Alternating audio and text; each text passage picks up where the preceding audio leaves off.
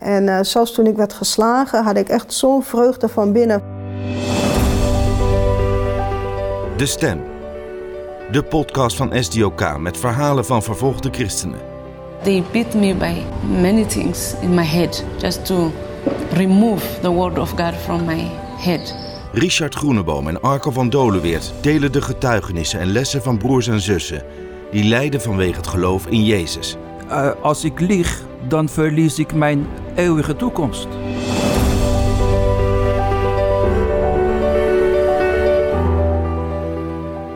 Van harte welkom bij deze 53ste aflevering van Podcast De Stem. Je zou het maar meemaken. Je bent een 12-jarig meisje en je wordt ontvoerd uh, en gedwongen moslim te worden. En je moet trouwen met een man die veel en veel ouder is dan jij. Het gebeurt met best wel veel christelijke meisjes en jonge vrouwen in Pakistan. Onze collega Margreet van Dam die was recent in Pakistan en die ontmoette allerlei meisjes en vrouwen die dit hebben meegemaakt en konden ontsnappen. Ja, heel bijzonder. En um, we gaan zo ontdekken hoe zij kunnen verder leven na deze traumatische ervaring. Lijkt mij bijzonder zwaar. Um, en we ontdekken ook van Margreet van Dam hoe STOK eigenlijk, hoe wij STOK, als STOK eigenlijk helpen, deze vrouwen bijstaan. Ja, en uh, in elke aflevering van de podcast uh, delen Arco en ik altijd iets uh, wat ons is opgevallen of ons geraakt heeft. ja, iets wat we graag met elkaar, maar ook met jou willen delen. Hey Arco, wat heb jij eigenlijk meegenomen naar deze podcast? Ja, ik wil je meenemen naar een ontmoeting die we hadden hier op kantoor afgelopen week. En dat was heel bijzonder. Het, het, gebeurt niet zo vaak dat ik collega's met, met een soort van natte oogjes in de gang tegenkom. En ik, had, ik was zelf ook echt ontroerd. We hadden een, een gast, een, een christen uit Nederland. Jonge vrouw. Een jonge vrouw. En zij vertelde hoe zij opgroeide als moslim en uiteindelijk christen is geworden. En hoe zij ook vanuit haar familie ontzettend met vervolging te maken heeft gehad. Op een gegeven moment zelfs dat, dat haar familie gewapend haar probeerde ja, mee te nemen. En dat de politie echt tussen beiden moest komen. Dat het echt een ja, gewoon op straat ook, was. hè? Ja. ja. gewoon op straat. En dat, ik, ik, we, ja, we proefden allemaal bij haar een soort van de pijn, weet je wel, van het verliezen van je familie in de ogen en alles wat ze heeft meegemaakt, maar tegelijkertijd ook echt de liefde voor Jezus. Ja, ja, ik kijk in dat soort verhalen dan, ja, we hebben het in deze uitzending over Pakistan, dan als je, ja, dat soort dingen gebeuren, dan weet je dat gebeuren dat soort dingen ja. daar. Ja. Hoe heftig ook, maar dit is gewoon Nederland. Hè? Ja, het is gewoon om de hoek. Tjonge, jonge, ja, ja. ja. en, en dus, dus het, was, het was heel bijzonder om haar verhaal te horen. En um, ik deel het ook omdat, we, nou, we hadden het erover, het is eigenlijk een heel mooi podcastverhaal. Dus we gaan, we gaan ook proberen dit verhaal in een podcast te gieten. Uh, later dit jaar, misschien begin volgend jaar. Want dit, dit verhaal moet iedereen horen. Ja, helemaal eens. hey, en Richard, jij hebt ook iets meegenomen. Ja, klopt ja. Ik, ik had ook een uh, hele bijzondere ontmoeting. Uh, ook hier op kantoor trouwens. dat, um, dat was met een voorganger, ondergrondse voorganger uit Saoedi-Arabië. Ik weet niet wat voor beeld jij hebt van Saoedi-Arabië en ja. christenen, maar... Uh, volgens mij zijn het er maar heel weinig. Het zijn er heel weinig inderdaad. En Saoedi-Arabië is toch een heel gesloten, streng islamitisch land. Dat is een van de golfstaten toch ook? Um, ja, ligt in de golfregio, ja. Oh, ja. Um, waar ze het, uh, ja, het, het Wahaïsme aanhangen. Hè. Dat is een hele orthodoxe stroming binnen de islam. Nog nooit van gehoord. Uh, ja, en dat is... Ja, christenen hebben het daar heel zwaar... Dat was ook mijn beeld en dat is ook zo. Tegelijkertijd, deze voorganger vertelde mij bijzondere dingen, dat daar echt ook hele mooie dingen gebeuren op dit moment in uh, Saoedi-Arabië. En dat de deuren voor het evangelie langzaam aan het opengaan zijn. Dat het uh, zelfs mogelijk is, hij vertelde dat hij in een grote stad in uh, Saoedi-Arabië een, een kerk heeft. die op, is openbaar? Ja, ja, min of meer ondergronds openbaar. Het is altijd een beetje ingewikkeld. Hè? Ze zitten dan wel in een, in een huis wat in de stad is, wat wel bekend is. Kijk, je moet daar niet uh, gewoon met heel veel muziekinstrumenten gaan herrie gaan maken wat je overal op de straat hoort. Maar het is wel bekend dat daar gewoon een kerk is. En daar komen ook uh, lokale Saoedische gelovigen Zo, naartoe. Dat is bijzonder. Uh, in Saoedi-Arabië wonen natuurlijk ook heel veel um, uh, gastarbeiders uit andere landen, waar ook onder, uh, daaronder ook heel veel christenen zijn, maar ook gewoon lokale Saoedi's. En het was voor mij echt nieuw om, om te horen dat dat kan. En hij vertelde ook dat er regelmatig bij hem Westelingen op bezoek kwamen. Dat kan nu ook tegenwoordig makkelijker. Het heeft te maken met een toch wel ontwikkeling in Saoedi-Arabië, dat de huidige um, ja, kroonprins Bin Salman toch de deur wat meer wil openzetten naar het westen, waardoor je nu ook op een toeristenvisum naar Saoedi-Arabië kunt gaan. En ja, als je Westelingen uh, in huis hebt, ja, die hebben ook hun eigen geloof. Dus ja, die moet je ook wel wat ruimte geven. Dus hij vertelde ook dat er wel eens gebeurt dat de Westelingen komen. Die gaan daar in shoppingmalls. in Saudi-Arabië gewoon eh, flyers uitdelen, evangelisatieflyers. Nee. Echt. Dus ik vond dat echt, ik denk, wow, dit is wel heel bijzonder. En dat is voor mij echt wel heel nieuw. En ehm, nou, een man met een heel bijzonder verhaal. We moeten misschien op een apart moment nog eens een keer over doorpraten. Een man die eh, ja, duidelijk door God geroepen is om uh, ja, in Saoedi-Arabië het evangelie te brengen.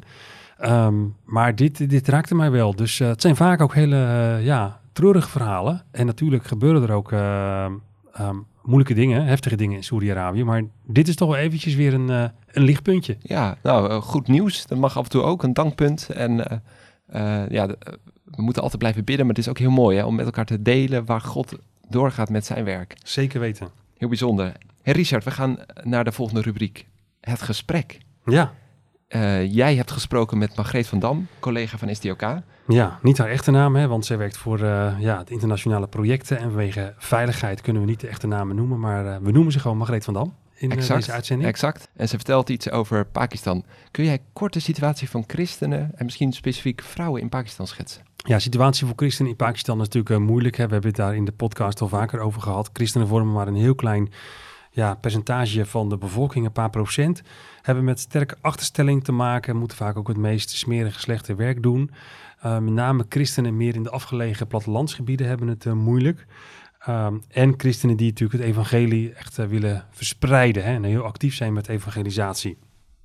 Nou, als het gaat om een specifieke groep die het extra zwaar heeft, zijn dan inderdaad de vrouwen, je noemde het net al.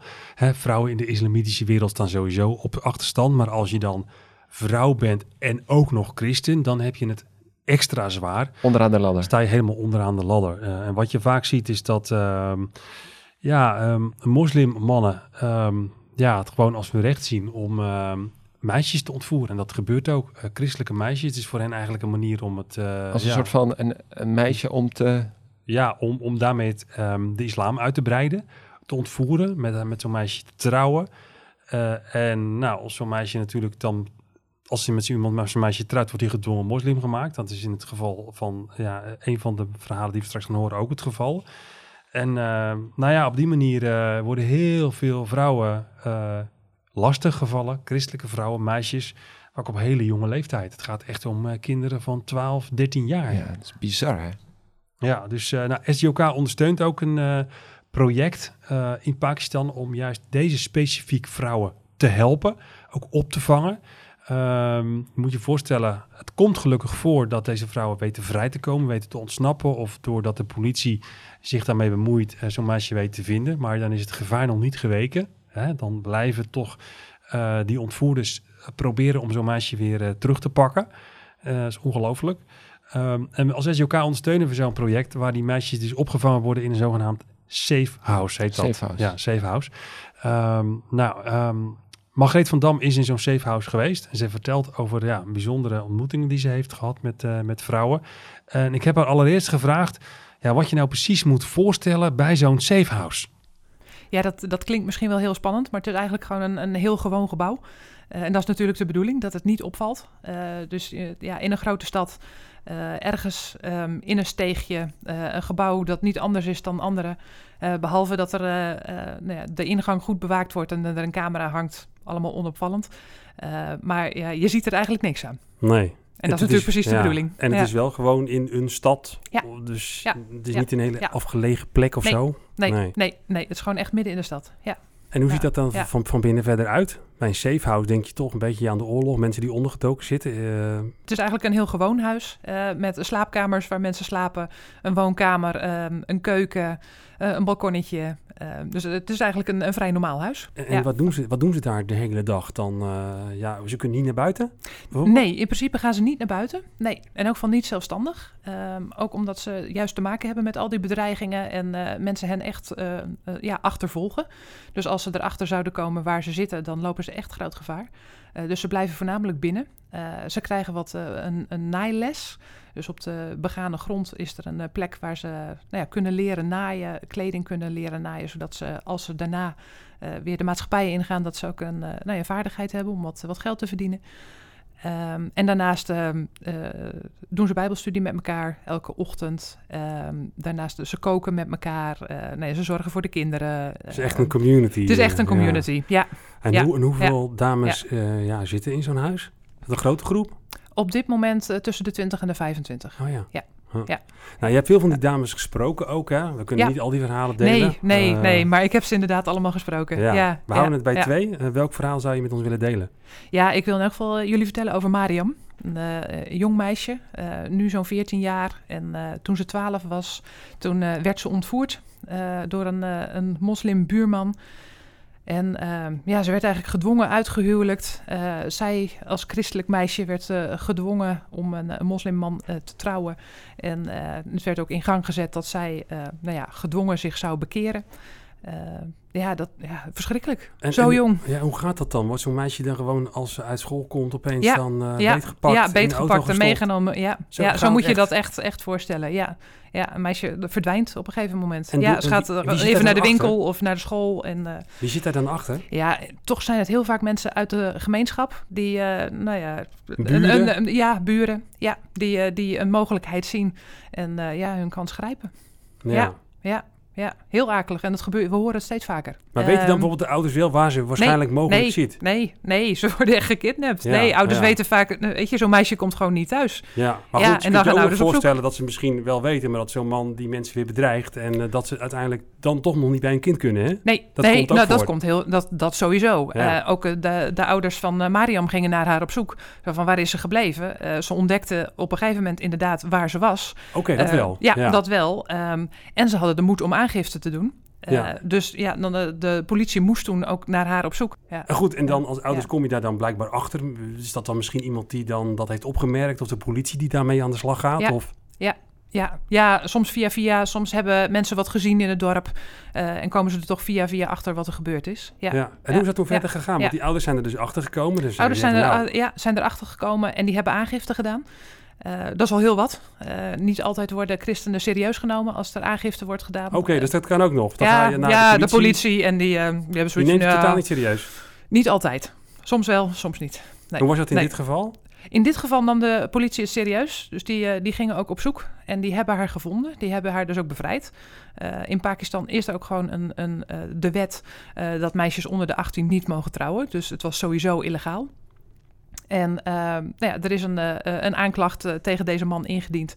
Eh, maar vervolgens kwamen de bedreigingen op gang. Eh, want ja, eh, officieel zou eh, dit meisje nu moslim zijn. En Ja. ja, ja ze moet gewoon terug. Want ze was hen. ook dus inmiddels ook getrouwd met die buurman. Ja, onder eh, grote druk. Ja. En dan moet je je voorstellen, zo'n meisje heeft daar niks in te zeggen. Eh, ze hoeft niet eens ja te zeggen. Dat wordt allemaal voor de geregeld. Tja. Ja. Want Ja. eh, hoe moet ik me dat voorstellen? Want ik neem aan dat ze als zo'n buurman, die wordt dan gearresteerd. Ja. Eh, die zit, neem ik aan, dan vast. Maar die is nog wel in staat om, om die mensen dan, of dat meisje of die ouders, te, te bedreigen. Ja, of zijn dat de- familieleden vaak eromheen? familieleden om eromheen. Ja. Tja. Ja.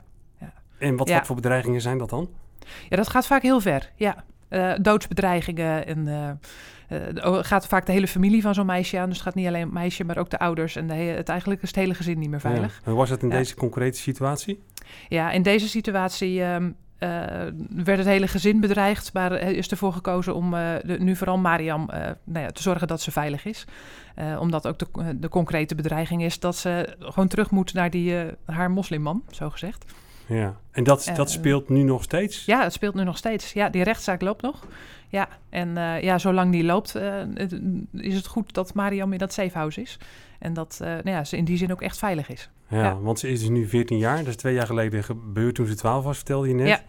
Ja. Wat voor indruk maakt zo'n meisje als je zulke vreselijke dingen hebt meegemaakt? Ja, ja dat, dat verbaasde mij eigenlijk. Het gaat best heel goed met haar.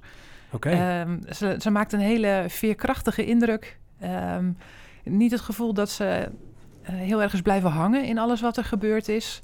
Eh, maar eh, ja, echt naar de toekomst kan kijken. Ehm, nou ja, Zo'n safehouse is ook gewoon echt een veilige plek. En ehm, waar, waar ruimte is ook om haar trauma te verwerken. Waar ze begeleid wordt. Maar ook, ja, weet je, wat, eh, wat onderwijs krijgt. ehm, maar ook uit de Bijbel hoort. Ehm, ja, dat is wel, wel bijzonder om te zien ook. ja, ja. want Ja. Vertel, was zij daar open over? Want ik kan me best voorstellen dat het best wel heel gevoelig ligt, hè, dit soort dingen. Vertelde Ja. ze ook wat er met haar was gebeurd, hoe dat gegaan was? Eh durfde daar iets over te delen naar jou toe? Ja, ehm, kijk, ik ben natuurlijk eh, een bezoeker Ja. eh, die ze niet zo heel goed kent. Dus ze was wat verlegen. Maar in grote lijnen vertelt ze dan wel wat er, wat er gebeurd is. Ja, ja. ja. Ja, Merk je dan wel dat, dat, dat, dat lastig is? Want kan het zo traumatisch dat het heel Ja. moeilijk is dat, dat Ja. er ook weer dingen boven komen. Ja. En, Ja, dat klopt. En dat is eigenlijk bij al die vrouwen die je spreekt. Die, eh, ja, het is natuurlijk gewoon heel eh, schaamtevol. Eh, ze schamen zich ehm, ja, gewoon zo. Sommigen zijn ook echt depressief. Ehm, kun je echt aan merken dat ze echt getraumatiseerd zijn. Het is natuurlijk gewoon heel ingrijpend wat ze hebben Ja. meegemaakt. Ja. en zit Ja. er nou echt een bewuste strategie achter bij die moslims om echt christelijke meisjes te pakken om op die manier zeg maar Daar lijkt het wel op. de islam Ja. uit te breiden? Ja. Ja, daar lijkt het wel op. Ja. Kijk, het is natuurlijk moeilijk om, om daar hard bewijs voor te leveren. Maar het, het komt wel zoveel voor dat je dat wel zou kunnen stellen. Ja. Ja. Ja. het is een hele brute, Ja. keiharde manier van geloofsvervolging. Hè? Ook juist omdat het om hele jonge minderjarige meisjes gaat. Hele kwetsbare ja, kinderen eigenlijk nog. Ja. Ja. Misschien best wel moeilijk hè, omdat het hele jonge meisje gaat. Maar hoorde je iets van hoe zij daar in het geloof naar kijkt? Hè? Hoe ze dat ervaart? Beseft ze inderdaad dat dat inderdaad vanwege haar geloof is? En eh, wa- nou ja, eh, heeft ze daar iets over verteld? Hoe ze daarmee omgaat? En ze komt, het, is een heel eenvoudig meisje. En dat is vaak zo. Het zijn vaak ehm, eh, meisjes van het platteland eh, uit, uit een dorpje eh, die weinig onderwijs hebben gehad. Hun ouders eh, zijn vaak ook niet hoog opgeleid, hebben eenvoudige banen, zijn ook niet altijd op de hoogte van hun rechten. Eh, ze weten natuurlijk dat ze christen zijn, ehm, staan ook vaak onderdrukt eh, daardoor. Eh, er zijn een, minderheid.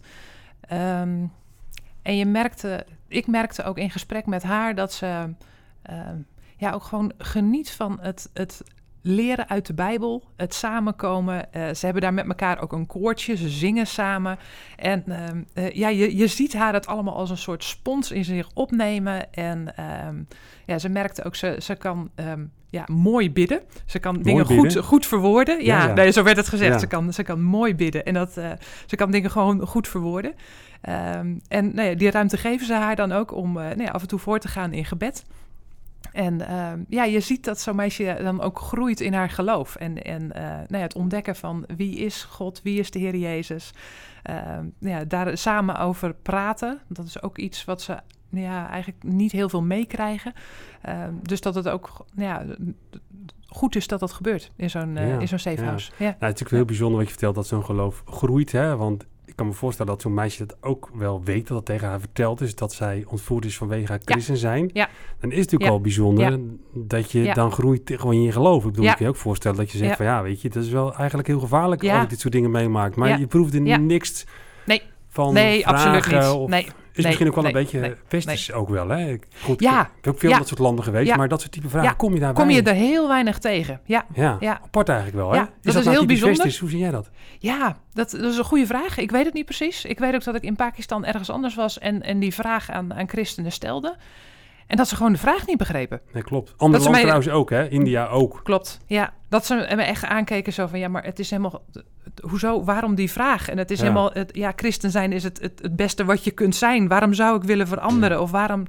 Nee, ja. Heel bijzonder. ja, echt ja. bijzonder, ja. bijzonder, zeker. Ja, ook alweer bijzonder ook om op zo'n plek te zijn. Omdat je dan concreet ziet wat je ook als organisatie als SDOK voor vrouwen als deze Mariam kunt betekenen. Ja.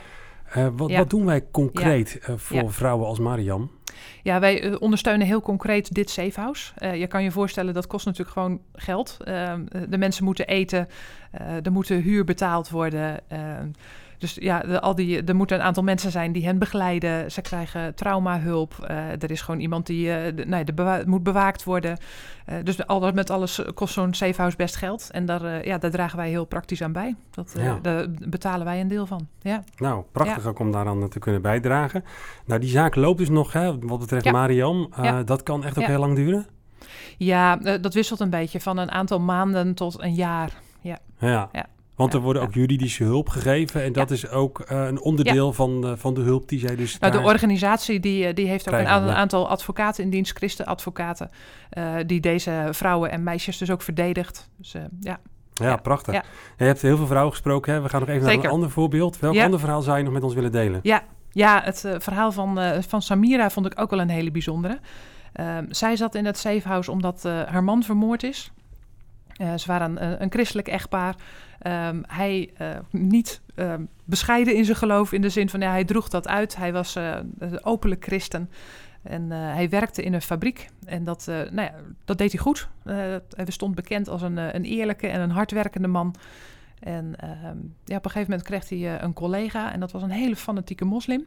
En eh, nou ja, die lokte eigenlijk constant discussies met hem uit. En nou op een gegeven moment zette hem onder druk. Zei van, ja, jij moet gewoon moslim worden. Eh, nou ja, dat, dat weigerde de man van Samira uiteraard. Ehm, en eh, nou ja, toen kwam de volgende bedreiging. Ja, als je dat niet doet, ja, dan, eh, dan dood ik je. Want dat moet. Iedereen in Pakistan moet moslim zijn. Ja, zo. En dat bleef niet bij een dreige- dreigement. Dat heeft hij echt uitgevoerd. Dat heeft hij echt kwam, uitgevoerd. ja, die kwam een paar dagen later met een groot mes naar de, naar de fabriek. En die heeft de man eh, doodgestoken. Gewoon dus op de werkvloer. Op de werkvloer. Dus niet ergens in een achterafsteegje. Nee, gewoon openlijk op de fabriek. Ongelooflijk, hè? Ongelooflijk. Ja, Hmm. ja. Ja, Dus En zo'n die, eh, vrouw blijft dan achter. Met jonge kinderen ook. ze heeft eh, twee jonge dochters. Ja, ja. En die, die blijft dan alleen achter. Ja. En hoe lang geleden Ja. is dit gebeurd? Ehm, dit is een jaar geleden. Een jaar geleden. Ja, Nog vrij kort geleden ja dus. dit, dit is allemaal eh, vrij recent. Ja. Eh, En hoe, wat voor indruk maakte deze weduwe op jou? In het begin ehm, kwam ze wat gesloten over. Ze had een wat, wat nou ja, gesloten indruk op haar gezicht. En ik, ik kon niet helemaal tot haar doordringen, niet eenmaal inschatten. Ehm, en dat kwam eigenlijk pas toen we wat, wat langer in gesprek raakten. Toen, eh, nou ja, toen, toen zag ik iets meer van wie ze was. Ehm, en ook wel heel... Ja, ik, ik was er echt van onder de indruk. Ehm, ook een eenvoudige vrouw, maar heel sterk in haar geloof. En die ook, ehm, nou, toen ik naar de man vroeg, dat ze zei... Ja, natuurlijk mis ik hem. Ik, ik ben echt heel verdrietig. Maar aan de andere kant, ik weet dat hij op de beste plek is waar hij maar kan zijn. Ja, dat is wel bijzonder. Ja. Dus ja, als je dat kan zeggen, denk ik van ja, dan zit je in een safe house en je wordt zelf bedreigd. En ja, je kunt dat nog steeds zeggen. Dat vind ik toch wel bijzonder. Ja, Ja.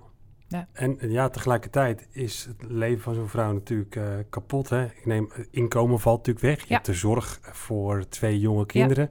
Ja. Hoe, Ja. hoe gaat dat? ja.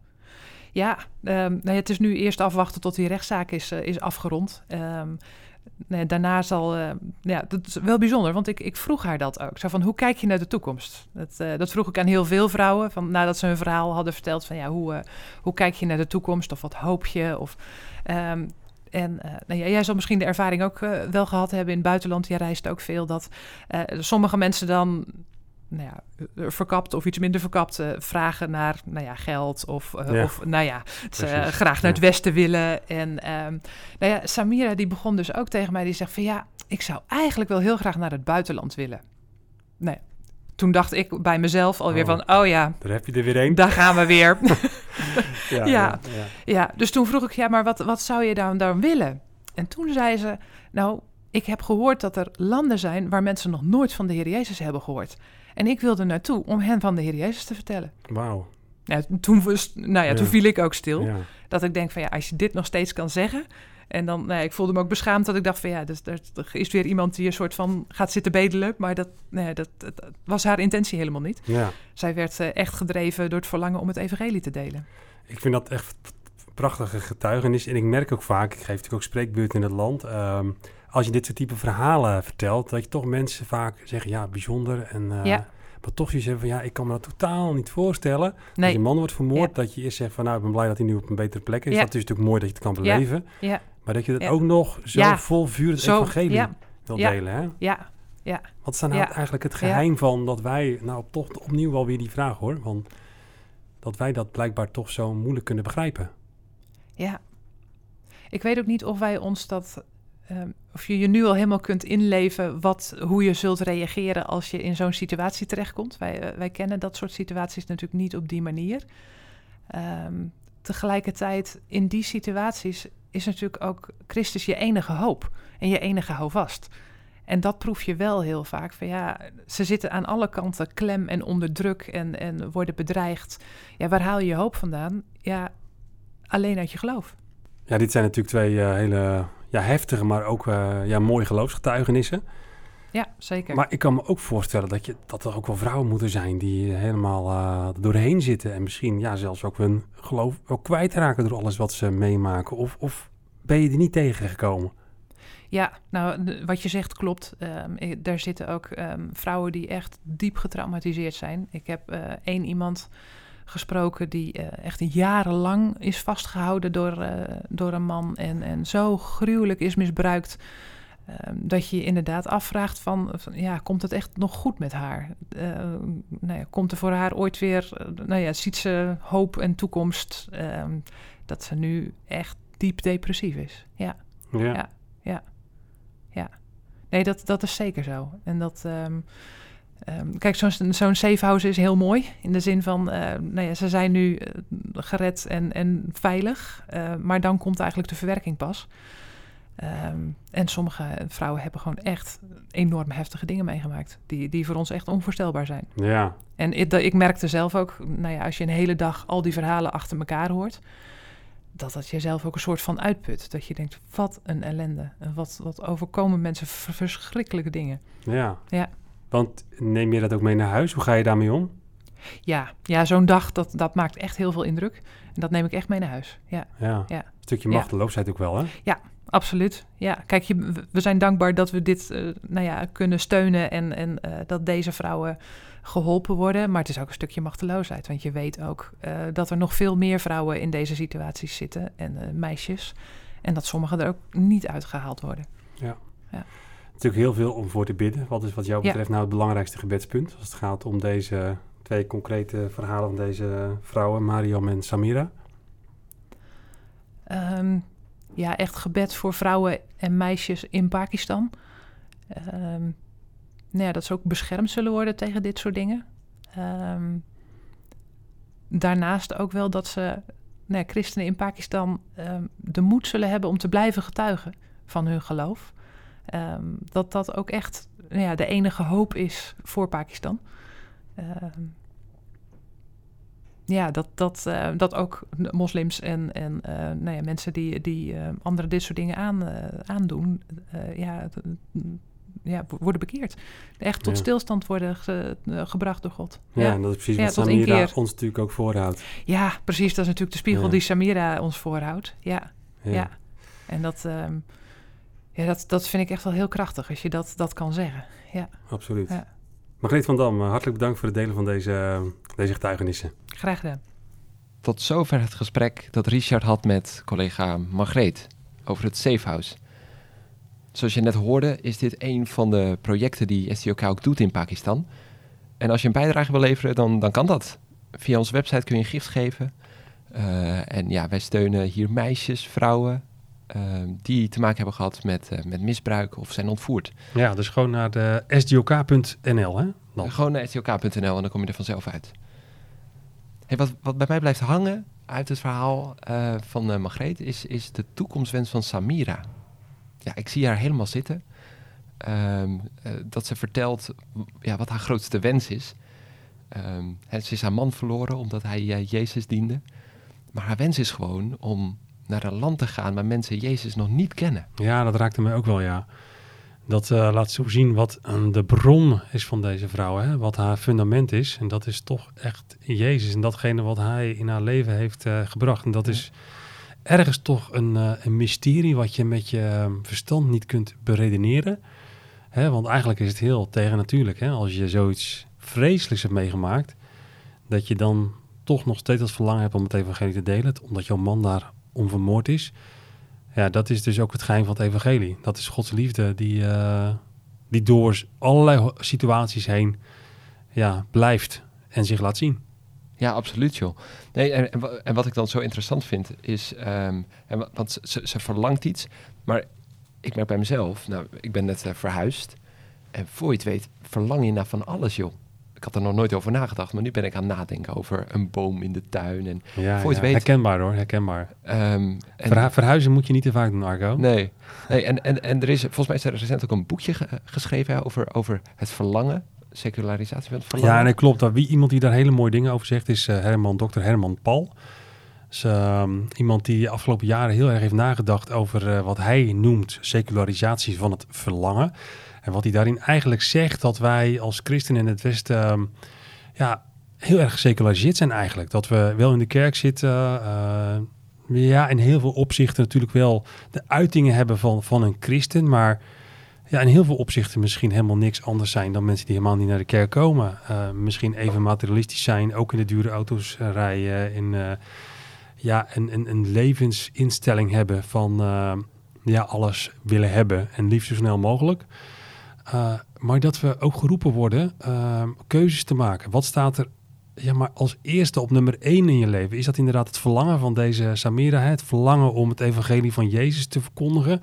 En heel veel van dat soort materialistische um, ja, gevoelens uh, kunnen dat verlangen om Jezus' boodschap en om hem zelf lief te hebben en zijn boodschap door te geven, kunnen die verdringen.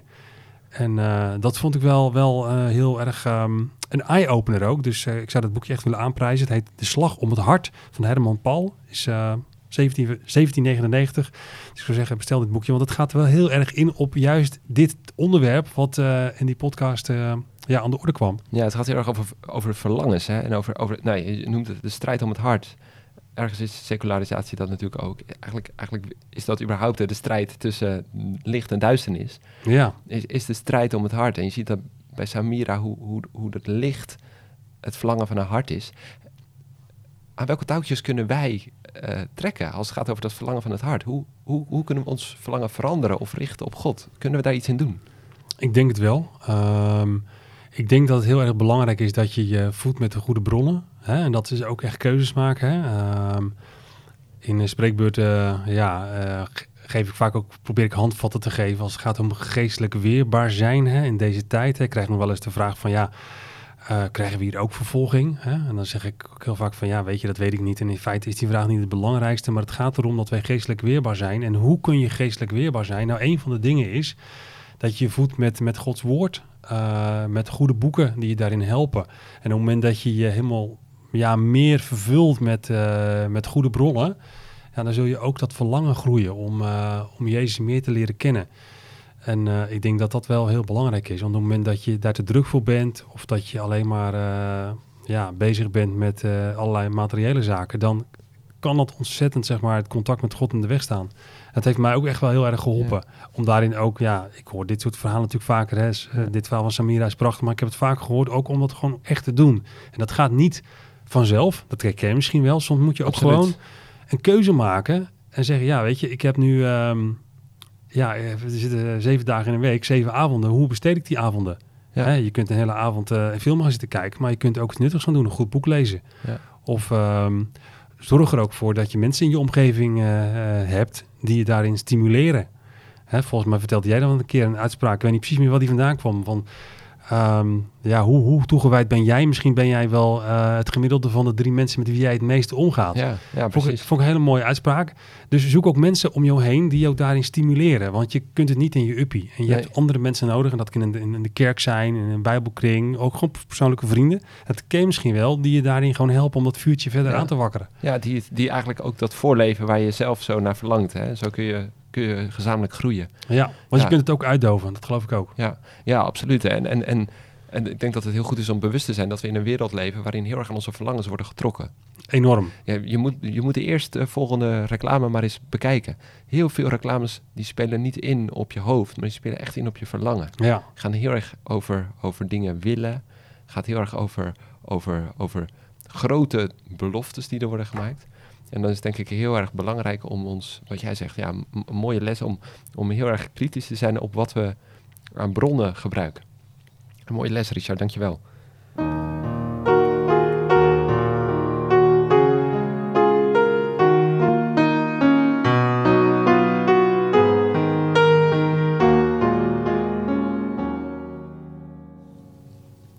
We zijn bij het reflectiemoment aanbeland. En dat is een, een nieuwe rubriek uh, waarin wij jou als luisteraar ook proberen uit te dagen. We willen jou heel graag aanmoedigen om ja, ook aan de slag te gaan met de dingen die we hier bespreken. En vandaag hoorde je de verhalen van Samira en Mariam. Uh, het zijn verhalen van pijn en verlangen. En ongetwijfeld heb jij ook momenten van pijn in je leven. Misschien heb jij wel ontzettend moeilijke dingen meegemaakt. Hoe kijk jij naar de toekomst? En als jij één ding mocht wensen, wat zou dat dan zijn?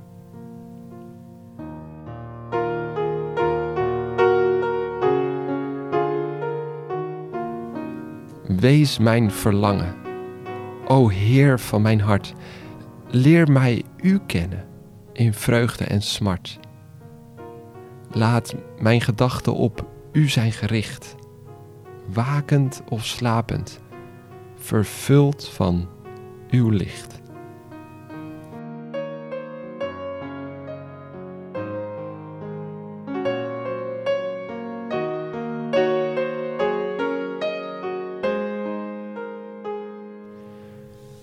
Bedankt voor het luisteren naar de 53ste aflevering van podcast De Stem.